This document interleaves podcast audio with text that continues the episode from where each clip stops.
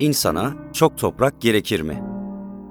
Yazan Lev Nikolayevich Tolstoy Seslendiren Yusufcan Gökkaya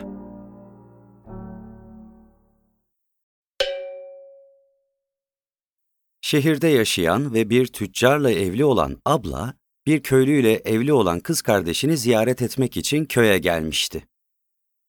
Çay içerken sohbet ediyorlardı. Büyük olanı övünmeye başladı. Şehir hayatını övüyor, orada bolluk içinde yaşadıklarını, rahat rahat gezdiklerini, çocuklarına güzel kıyafetler giydirdiklerini, yiyip içtiklerini, lezzetli şeyleri, gezmelere, şenliklere, tiyatrolara gittiklerini anlatıyordu. Gücenen küçük kardeş de tüccar yaşantısını küçümseyip kendi köy yaşantısını yüceltmeye başladı. Kendi yaşantımı seninkine değişmem. Bolluk içinde yaşamıyor olabiliriz ama hiç olmazsa tasamız yok. Daha iyi yaşıyor olabilirsiniz ama bazen hayli kazanıyor, bazen de hepsini kaybediyorsunuz. Atasözü ne der bilirsin. Kar ile zarar kardeştir. Bugün zenginken yarın bir bakıyorsun pencere altında dileniyorken buluyorsun kendini. Bizim köy yaşantımız daha güvenilir. Köylünün midesi küçüktür ama uzun yaşar. Zengin olmayız belki ama karnımız hep tok olur. Büyük kardeş konuşmaya başlıyor bu defa. Ne tokluk ya. Neyin varsa domuzlarla ve buzağılarla paylaşıyorsun. Ne bir zerafet var ne de görgü köy yaşantısında. Kocan ne kadar çalışırsa çalışsın, gübrelerin içinde yaşıyorsunuz. Öyle de öleceksiniz. Çocuklarınıza da aynısı olacak. Ne fark eder ki? Diye cevap verdi küçük kız kardeş. Bizim işimiz bu. Yaşantımız zor olsa da kimseye dil dökmüyoruz. Kimseden korkmuyoruz. Ama siz şehirde insanı günaha teşvik edecek şeylerin içinde yaşıyorsunuz. Bugün iyisiniz ama yarın bir bakmışsın şeytan kocanı kumarla, güzel bir kadınla, içkiyle baştan çıkarmış. O zaman her şey güme gider. Olmuyor mu sanki böyle şeyler? Pahom, küçüğün kocası, sobada oturmuş kadınların gevezeliklerini dinliyordu. Çok doğru. Biz köylüler küçük yaştan beri toprağa işlediğimizden aklımıza böyle delice hevesler gelmez. Bizim tek derdimiz toprağımızın az oluşu. Bol bol toprağım olsaydı ben hiç kimseden hatta şeytandan bile korkmazdım. Kadınlar çayı bitirince kıyafet dedikodusuna daldılar. Sonra bulaşıkları yıkayıp yatmaya çekildiler. Şeytan da sobanın arkasındaydı ve tüm konuşulanları duymuştu. Pahom'un karısının sözlerinden sonra içinde uyanan böbürlenmeyle yeterince toprağı olsa şeytandan bile korkmayacağını dile getirmesine sevinmişti. Peki, görüşelim bakalım. Sana çokça toprak vereceğim. Verdiğim toprakla da seni baştan çıkaracağım. Köyün yakınlarında 120 desatinalık toprağı olan orta halli bir bey karısı yaşıyordu. Kadın önceleri köylülerle iyi geçiniyor, kimseyi kırmıyordu. Fakat yanında asker emeklisi bir kahya çalışmaya başlamıştı ve kestiği para cezalarıyla köylüleri canından bezdiriyordu. Pahom ne kadar dikkat ederse etsin ya atı yulaflara dalıyor, ya inek bahçeye giriyor, ya danaları çayırlara kaçıyordu ve bunların hepsi yüzünden de ceza alıyordu. Pahom cezaları ödüyor, hıncını da azarlayarak ve döverek evdekilerden çıkarıyordu. Pahom bütün bu yaz bu kahya yüzünden bir sürü günaha girmişti. Ancak hayvanlar avludan çıkmayınca rahat edebildi. Yeme acıyordu ama en azından ceza korkusu yoktu. Kışın hanımın toprağını satacağı, kahyanı yoldan taraftan büyük bir bölümle birlikte bu toprağı alma niyetinde olduğu söylentisi yayıldı. Bunu duyan köylüler ah vah etmeye başladılar. Toprağı kahya alırsa hanımdan daha beter cezalarla canımızı okur. Biz o toprak olmadan yaşayamayız. Hepimiz ailemizi bu topraktan geçindiriyoruz diye düşünüyorlardı. Köylüler toplanıp hanıma toprağı kahyaya satmamasını, daha yüksek bir fiyata kendilerine vermesini rica etmeye gittiler. Hanım toprağı onlara satmayı kabul etti. Köylüler bütün toprağı almaya niyetlenip birkaç kez toplandılar ancak bir sonuca varamadılar. Şeytan aralarına anlaşmazlık tohumları ektiğinden hiçbir şekilde anlaşamıyorlardı. En sonunda herkesin gücünün yettiğince ayrı ayrı satın almasına karar verdiler. Hanım bunu da kabul etti. Pahom, komşusunun hanımdan 20 desyatinalık toprak aldığını ve hanımın paranın yarısını bir yıl taksitlendirdiğini duydu. Pahom'un kıskançlık duyguları kabardı. Koca toprak bir bir satılıyor. Ben ise tek parça alamadan kalacağım diye düşünüp karısına danıştı. Herkes alıyor. Biz de bir on desyatina kadar alsak iyi ederiz. Aksi halde zor geçiniriz. Kahya verdiği cezalarla canımızı okudu. Toprağı nasıl alacaklarını etraflıca düşündüler. Kenarda birikmiş 100 ruble paraları vardı. Tayı ve arıların yarısını sattılar. Oğullarını ırgatlığa yerleştirdiler. Bacanağından borç aldılar derken paranın yarısı toplandı. Pahom paraları cebine koydu. İçinde korusu da olan 15 desyatinalık bir araziyi gözüne kestirdi ve hanımla pazarlık yapmaya gitti. Arazi için anlaşıp el sıkıştı ve kaporasını verdi. Şehre gidip tapuyu hazırlattılar. Pahom paranın yarısını peşin ödedi. Kalanını da iki yılda ödemeyi taahhüt etti. Artık Pahom'un da kendine ait toprağı vardı. Borçlanarak tohum alıp satın aldığı toprağına ekti. İyi de ürün aldı. Kalan borcunu ve bacanağından aldığı borç parayı bir yılda ödedi. Pahom artık bir toprak sahibi olmuştu. Kendi toprağını sürüp ekiyor, kendi toprağında ot biçiyor, kendi toprağının ağaçlarını kesiyor ve hayvanlarını kendi toprağında otlatıyordu. Mülkiyeti kendine ait olan tarlasını sürmeye çıktığında ya da ekinlere ve çayırlara bakmaya gittiğinde çok keyifleniyordu. Otlar başka türlü çıkıyor, çiçekler başka türlü açıyor gibi geliyordu. Bu toprağın yanından geçtiği zamanlar toprak sıradan bir toprakken şimdi tamamen farklı geliyordu gözüne. Pahom böyle yaşayıp giderken keyfi yerindeydi. İyi, hoş ama köylüler Pahom'un ekinlerini ve otlağını çiğnemeye başlamışlardı. Pahom güzellikle rica ettiyse de köylüler oralı olmadı. Kah çobanlar inekleri onun otlağını salıyor, kah gece otlamasına çıkan atlar onun ekinlerine giriyordu. Pahom birkaç kez hayvanları kovup sahiplerini affedip hiçbirinden davacı olmadı. Fakat en sonunda sabrı taştı ve belde mahkemesine şikayette bulundu. Köylülerin tüm bunları kasten değil, toprakları olmadığından yaptığını biliyordu. Ama yine de bunu görmezden gelemem. Yoksa böyle böyle her şeyimi yok ederler, hadlerini bildirmeli, diye düşünüyordu. Böylelikle bir kez dava etti. İkinci kez etti, köylülerden birkaçı para cezasına çarptırıldı. Komşuları Pahom'a öfke beslemeye başlamışlardı. Bu sefer topraklarına kasten zarar vermeye başladılar. Biri bir gece Pahom'un korusuna girip on ıhlamur ağacını gövdelerinden kesti. Pahom, korudan geçerken bir yerin bembeyaz kaldığını fark etti. Yaklaşınca ağaçların bulunduğu yerde köklerinin kaldığını, kabukları soyulmuş ağaç gövdelerinin de bir yana fırlatıldığını gördü. Ari kenardakileri kesseydi. Bir tane bıraksaydı hiç olmazsa. Yok, hepsini sıradan geçirmiş cani. Pahom öfkeden deliye döndü. Ah bunu yapanı bir bulursam ona gününü göstereceğim. Düşündü, düşündü ve Semka olmalı. Ondan başkası yapmış olamaz dedi. Semka'nın avlusuna bakmaya gitti. Hiçbir şey bulamadı. Atıştı geldi. Pahom bunu Semka'nın yaptığına iyice kanaat getirdi. Bir dilekçe verdi. Mahkemeye gittiler. Dava tekrar tekrar görüldü. Hiçbir delil bulunmayınca Semka beraat etti. Pahom şimdi kendisini daha da haksızlığa uğramış hissetti ve hıncını mahkeme başkanından ve yargıçlardan çıkardı. Siz hırsızlardan rüşvet alıyorsunuz. Dürüst yaşıyor olsaydınız bu hırsızı serbest bırakmazdınız, dedi. Pahom hem yargıçlarla hem de komşularıyla atıştı. Komşuları evini ateşe vermekle tehdit etmeye başladılar. Pahom toprağında rahat rahat yaşıyordu ama cemaatin içindeki yeri gittikçe kötüleşti. O sıralarda köyde ahalinin başka yerlere taşınmaya başladığı söylentisi çıktı. Benim toprağımı bırakıp gitmemin bir lüzumu yok. Belki komşularımdan gidenler olur da daha geniş toprağımız olur. Onların topraklarını alır, arazimi büyütürüm. Yaşantım daha iyi olur. Aksi halde hep darlık içinde olacağım, diye düşünüyordu Pahom.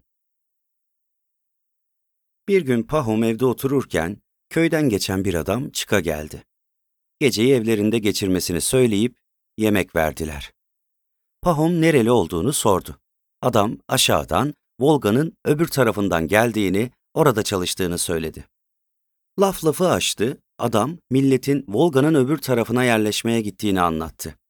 Oraya yerleşip köy nüfusuna tabi olduklarını ve kendilerine adam başına 10 desyatina toprak verildiğini anlattı. Toprak da ne toprak ama. Ektikleri çavdarın samanından at görünmüyor. Attığın beş avuç tohumdan bir demet saman alacak kadar da sık bitiyor. Köylünün biri beş parasız, malsız mülksüz geldi. Ama şimdi kendine ait altı atı, iki ineği var. Pahom'un kalbi hırsla tutuştu. Daha iyi yaşamak varken ne diye burada sefalet içinde yaşayayım? Buradaki toprağımı ve çiftliğimi satıp o paralarla orada her şeyi baştan yaparım. Düzenimi yeniden kurarım. Bu darlıkta yaşamak bile günah. Ama her şeyi adam akıllı bir öğrenmek lazım. Pahom yaza doğru hazırlandı ve Volga'nın öbür tarafına gitmek üzere yola koyuldu. Volga üzerinden vapurla Samara'ya indi. Sonra 400 kilometre kadar yürüdü ve sonunda o yere vardı. Her şey tıpatıp o adamın anlattığı gibiydi. Köylüler burada rahat rahat yaşıyordu. Adam başına 10 desyatina toprak verilmişti ve yeni gelenleri de seve seve kabul ediyorlardı.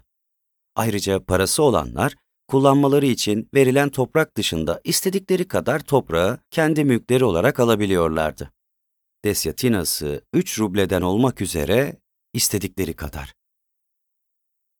Pahom istediği her şeyi öğrenip sonbahara doğru evine döndü ve her şeyini satmaya başladı. Arazisini karla sattı. Çiftliğini ve bütün hayvanlarını sattı. Köyden kaydını sildirdi ve bahar gelince ailesiyle birlikte yeni yere gitmek üzere yola çıktı. Pahom ailesiyle birlikte yeni yere varır varmaz büyük bir köyün kütüğüne kaydını yaptırdı. Köyün önde gelenlerine içkiler ikram etti ve gerekli olan tüm belgeleri sundu. Pahom'u kabul ettiler. Bir otlağın yanı sıra 5 kişilik ailesi için farklı tarlalarda 50 desyatina toprak verdiler. Pahom çiftliğini kurdu. Yeni hayvanlar aldı. Ailesinden bir kişiye eskisinin üç katı toprak düşüyordu. Üstelik toprak bol ürün veren cinstendi.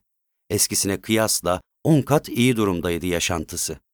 Hem ekilebilir toprağı hem de otlakları hayli boldu. İstediği kadar hayvan da besleyebiliyordu.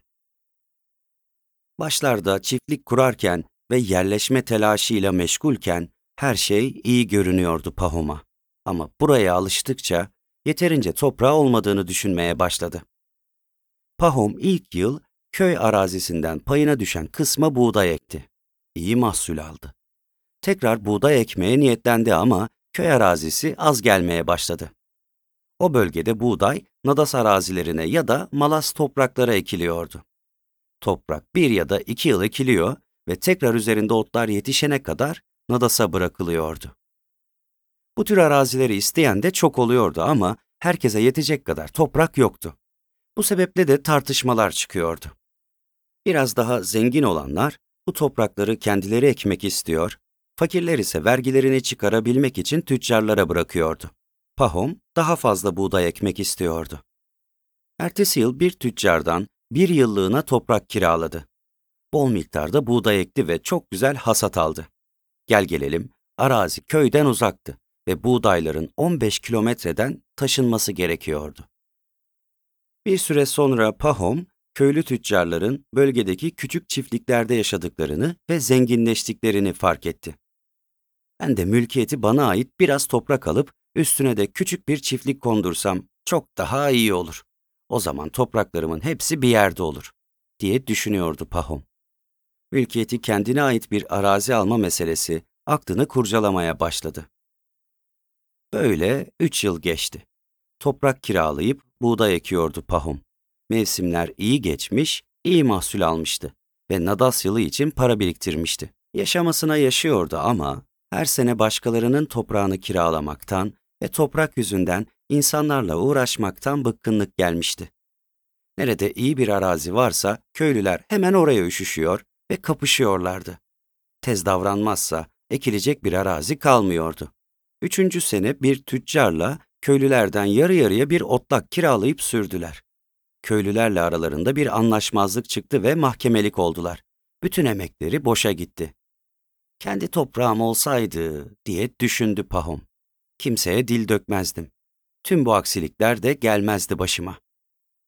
Böylece Pahom satın alabileceği bir arazi aramaya koyuldu. 500 desyatinalık arazisini paraya sıkıştığı için ucuza satmaya razı olan bir köylü buldu. Adamla anlaşmaya gitti. Sıkı bir pazarlık sonrası yarısını sonra ödemek kaydıyla 1500 rubleye anlaştı. İşi sonuca bağlamak kalmıştı. Bir gün köyden geçen bir tüccar, atını yemlemek için Pahom'un çiftliğine uğradı.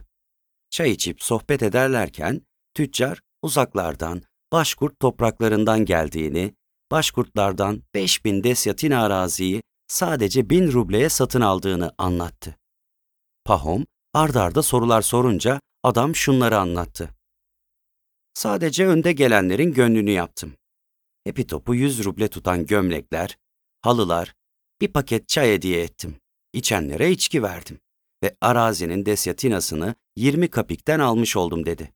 Arazinin tapusunu göstererek, arazi nehir kenarında, baştan başa ot dolu bir bozkır. Pahom oradaki halk ve çevreyle ilgili sorular sormaya başladı. Orada bir yıl yürüsen bile öbür ucuna varamayacağın kadar çok toprak var. Hepsi başkurt toprakları. Halk da koyun gibi saf. Topraklarını yok pahasına satın alabilirsin. Ne diye buradan 500 desyatinalık araziye 1000 ruble verip bir de borç altına gireyim. Halbuki orada bu paraya daha fazlasını alabilirim, diye düşündü Pahom. Pahom, oraya nasıl gidilebileceğini sordu ve tüccarı yolcu eder etmez oraya gitmek üzere hazırlığa koyuldu. Evi karısına bırakıp uşağıyla birlikte yola çıktı. Şehre uğradılar, tüccarın söylediği şeylerin hepsini, bir paket çay, çeşitli hediyeler, içki aldılar. 500 kilometreden fazla yol gittiler. Yedinci gün başkurtların çadırlarına vardılar. Her şey tüccarın anlattığı gibiydi. İnsanlar bozkırlarda, bir nehrin kenarına keçe çadırlarda yaşıyordu. Ne çift sürüyorlar ne de ekmek yiyorlardı. Sığırlar ve atlar sürüler halinde bozkırda otluyordu. Taylar çadırların arkasında bağlı duruyor ve kısraklar günde iki defa yanlarına götürülüyordu. Kısrakların sütünü sağarak bu sütten kımız yapıyorlardı. Kımızı hazırlayanlar da, peyniri yapanlar da kadınlardı.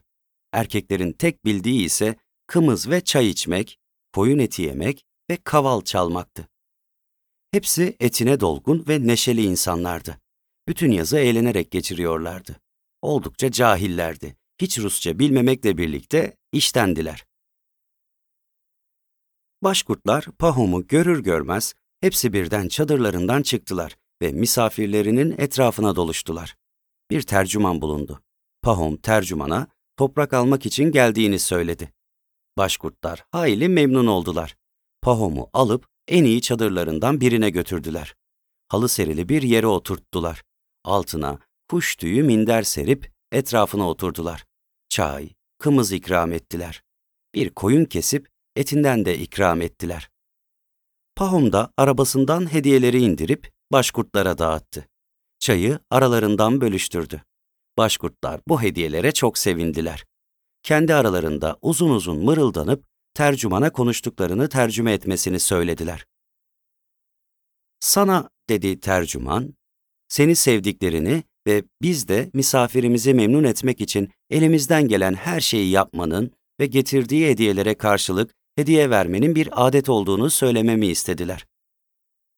Sen bize hediyeler getirdin. Şimdi sen söyle. Bizim sahip olduğumuz şeylerin içinde en çok neyi beğendiysen sana onu hediye edelim. En çok topraklarınızı beğendim dedi Pahom. Bizim oralarda pek toprak yok. Olanlar da hep sürülmüş. Ama sizin uçsuz bucaksız ve verimli topraklarınız var. Böylesini hiç görmemiştim. Tercüman Pahom'un söylediklerini aktardı. Başkurtlar aralarında bir müddet konuştular.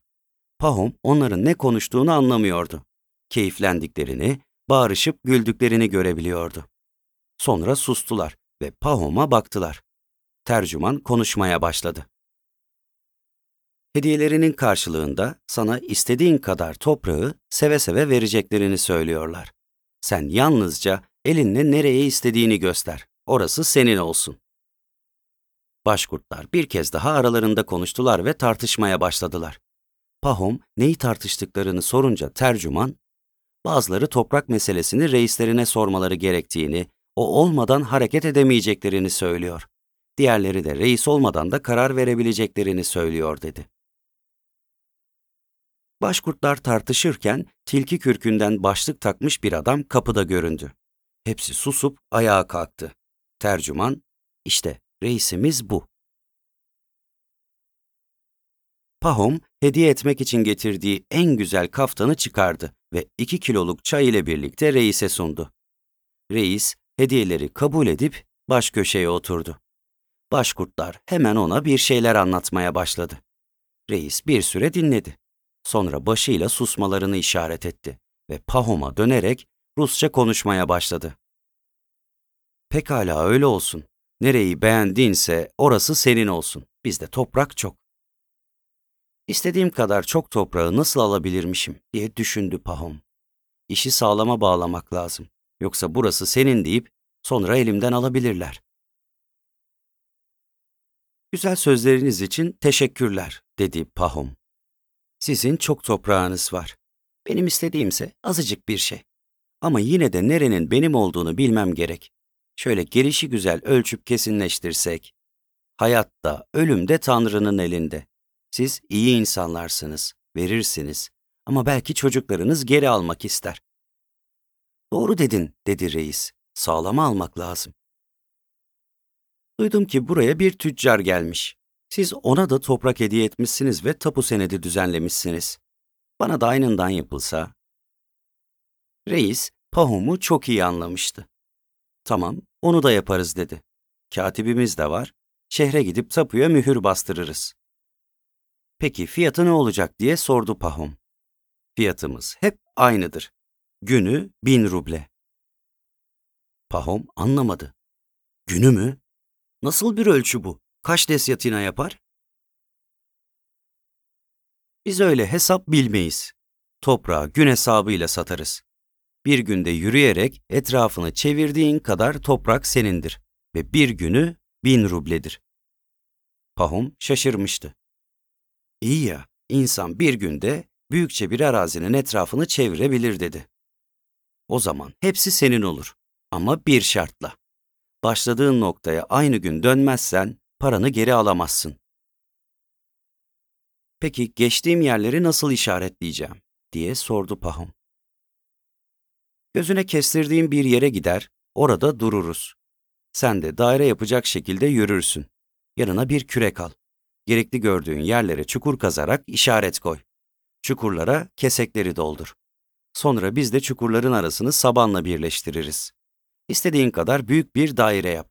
Ama güneş batmadan başladığın yere dönmüş ol. Çevirdiğin bütün arazi senin olacak. Pahom bu işe çok sevindi. Sabah erkenden başlamaya karar verdiler. Bir süre daha sohbet ettiler. Kımız içip koyun eti yediler. Çay içtiler derken gece oldu. Başkurtlar Pahom'a kuş tüyü bir yatak verdiler ve seher vakti toplanıp güneş doğmadan tarlaya gitmek üzere sözleşerek dağıldılar. Pahom kuş tüyü yatağa uzandı ama uyuyamıyordu. Aklında hep toprak vardı. Bir günde hayli geniş bir araziyi işaretlerim. Rahatlıkla 50 kilometre çevirebilirim. Günler şimdi epey uzun. 50 kilometrelik bir dairenin içinde epey toprak olur. İşe yaramaz kısımlarını satar ya da köylülere bırakırım. En iyi yerlerini kendime ayırıp işlerim. Sabana iki öküz koşar, iki de işçi tutarım. 50 desyatinasını sürer, kalanında da hayvanları otlatırım. Pahom bütün gece gözünü kırpmadı. Ancak şafak sökmeden önce içi geçer gibi oldu. Gözlerini kapatır kapatmaz da bir rüya gördü. Rüyasında gene aynı çadırda yatıyordu ve dışarıda birinin kahkahalarla güldüğünü duydu. Kim ki diye merak edip kalktı. Dışarı çıktı. Başkurt reisinin iki eliyle göbeğini tutmuş, katıla katıla güldüğünü gördü. Reisin yanına gidip, niye gülüyorsun diye sordu. Karşısındaki artık Başkurt reisi değil, geçenlerde evine gelen ve buranın topraklarını anlatan tüccar olmuştu. Epeydir mi buradasın diye soracakken adam tüccar olmaktan çıkıp uzun zaman önce Pahom'un eski evine gelen adama dönüştü. Sonra gördü ki o Volga'dan gelen adam değil. Boynuzlarıyla ve tırnaklarıyla şeytanın ta kendisiydi. Orada oturmuş, gülüyordu. Önünde de üzerinde gömlek ve pantolon olan yalın ayak bir adam yatıyordu. Pahom bu adamın neyin nesi olduğunu anlamak için dikkatle baktı. Ölmüş halde yatan bu adam Pahom'un ta kendisiydi. Dehşete düştü ve uyandı. Alt tarafı bir rüya diye düşündü. Etrafına bakındı. Kapı açıktı. Neredeyse şafak söküyor, ortalık ağarmaya başlıyordu. Milleti uyandırmalı, gitme zamanı geldi diye düşündü. Kalkıp arabada yatan uşağını uyandırdı. Atı hazırlamasını emredip başkurtları uyandırmaya gitti. Bozkır'a gitme zamanı geldi, dedi. Başkurtlar kalkıp toplandılar. Reisleri de geldi. Yine kımız içmeye koyuldular. Pahom'a da çay ikram etmek istediler ama onun beklemeye niyeti yoktu. Gideceksek haydi kalkalım, zaman geldi de geçiyor dedi. Başkurtlar hazırlandılar ve kimisi at sırtında, kimisi arabalarda hep birlikte yola çıktılar. Pahom da uşağıyla birlikte kendi arabasına bindi. Yanına kürek de almıştı. Bozkır'a vardıklarında şafak söküyordu. Başkurtların şihan dedikleri bir tepeye çıktılar. Arabalarından ve atlarından inip bir araya toplandılar. Reisleri Pahom'un yanına geldi ve eliyle Bozkır'ı göstererek şöyle dedi. İşte, gözünün alabildiği her yer bizim.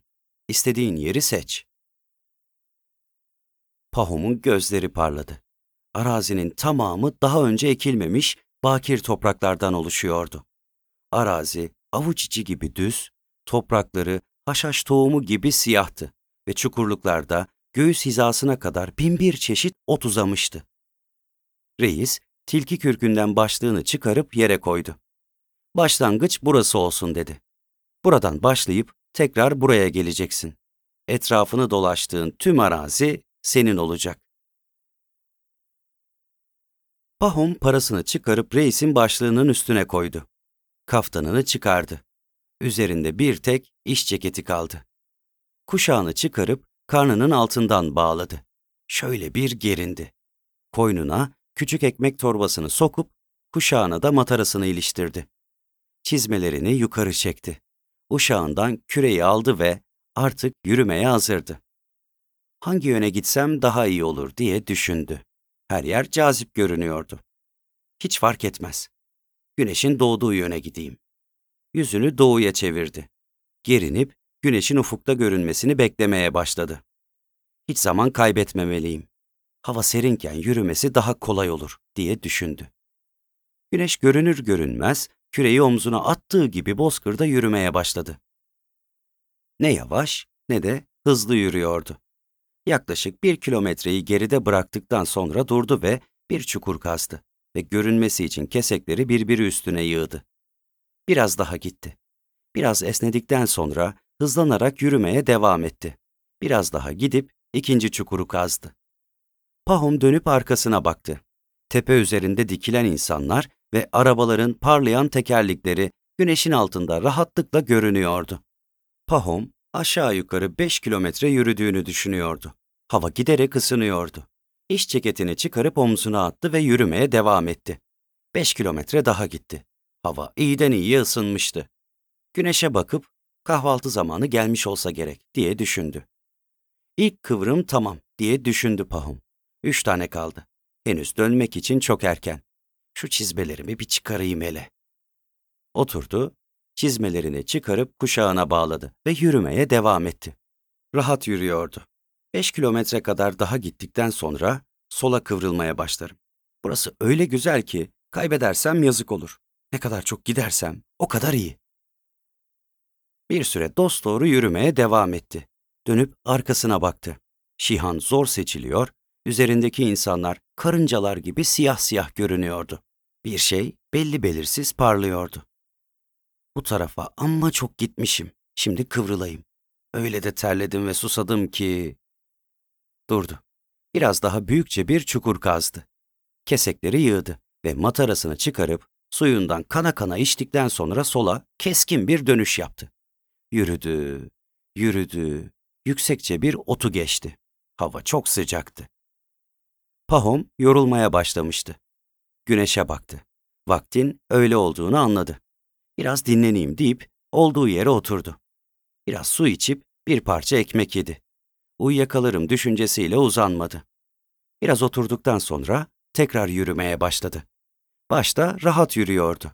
Yediği bir parça ekmek biraz güç vermişti. Gel gelelim, sıcaklık iyice bastırmış ve Pahom'a bir uyku çökmüştü. Ama yürümeye devam ediyor, şimdi dişimi sıkayım ki bir ömür rahat edebileyim diye düşünüyordu. Bu yönde de hayli uzun yürüdü. Tam sola dönmek istemişti ki az ötede çukurda kalmış sulak bir yer gördü. Burayı dışarıda bıraksa yazık olurdu. Buraya iyi keten yetişir diye düşünüp tekrar dosdoğru yürümeye devam etti. Bu sulak alanı da dairenin içine aldı ve öbür yanına çukur kazıp ikinci köşeyi döndü. Dönüp tepeye baktı. Sıcaklık havayı bulanıklaştırıyordu. Sanki havada bir şey titriyor ve bu bulanıklığın içinde tepenin üstündeki insanlar güç bela seçiliyordu. Onlarla arasında 15 kilometre kadar mesafe vardı.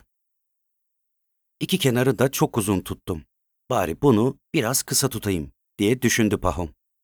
Adımlarını sıklaştırarak üçüncü kenarı yürümeye başladı. Güneşe baktı. İkindi yaklaşıyordu. Üçüncü taraftan sadece iki kilometre yürüyebilmişti. Varacağı yere daha 15 kilometre mesafe vardı. Çiftlik yamuk olacak ama dosdoğru gideyim. Daha fazla dışarı açılmamalıyım. Hayli büyük arazim oldu zaten.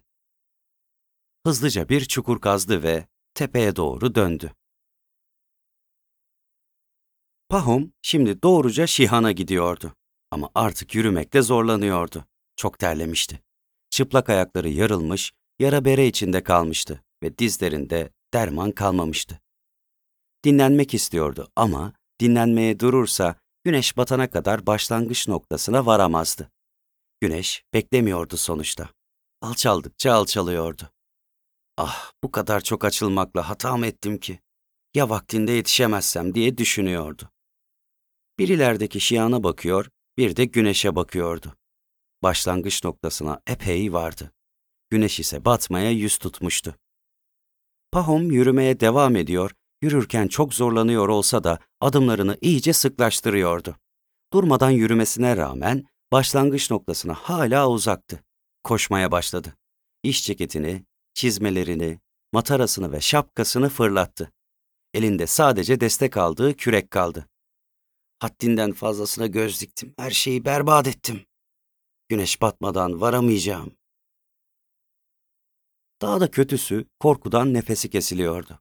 Pahom koşmaya devam ediyordu.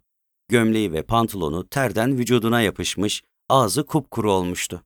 Göğsü demirci körüğü gibi inip kalkıyor, kalbine sanki çekişle vuruluyordu. Artık kendisinin değilmiş gibi hissettiği dizleri bükülüyordu. Pahom'u ansızın bir korku sardı. Yorgunluktan ölmesem bari. Ölmekten korkuyordu ama duramazdı. Bu kadar koştuktan sonra şimdi durursam aptal derler diye düşündü. Koştu, koştu ve Şihan'a o kadar yaklaşmıştı ki başkurtların onu hızlandırmak için bağırıp çağırdıklarını duyuyordu. Onların sesleri yüreğini daha da alevlendirdi. Pahom son gücüyle koşuyordu. Güneş ufka iyice yaklaşıp dumana bürünmüş, büyümüş ve kızılımsı, kan kırmızısı bir hal almıştı. Neredeyse batıyordu. Güneş iyice alçalmış, başlangıç noktasına da çok az kalmıştı. Pahom Şihandakilerin kendisine el salladıklarını görüyordu artık. Tilki kürkünden başlığı ve üstündeki paraları görüyordu. Yerde oturmuş, elleriyle karnını tutan reisi de görüyordu.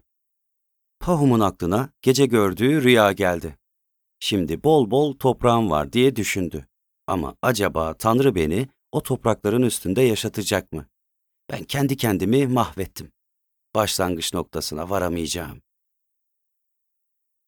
Pahum güneşe baktı. Güneş artık toprakla birleşmişti. Bir ucu çoktan gözden kaybolmuş ve ufka kavis çekmişti. Pahom olanca gücüyle atılıyor, gövdesiyle öne yükleniyordu. Bacakları güç bela yetişiyor, düşecek gibi oluyordu.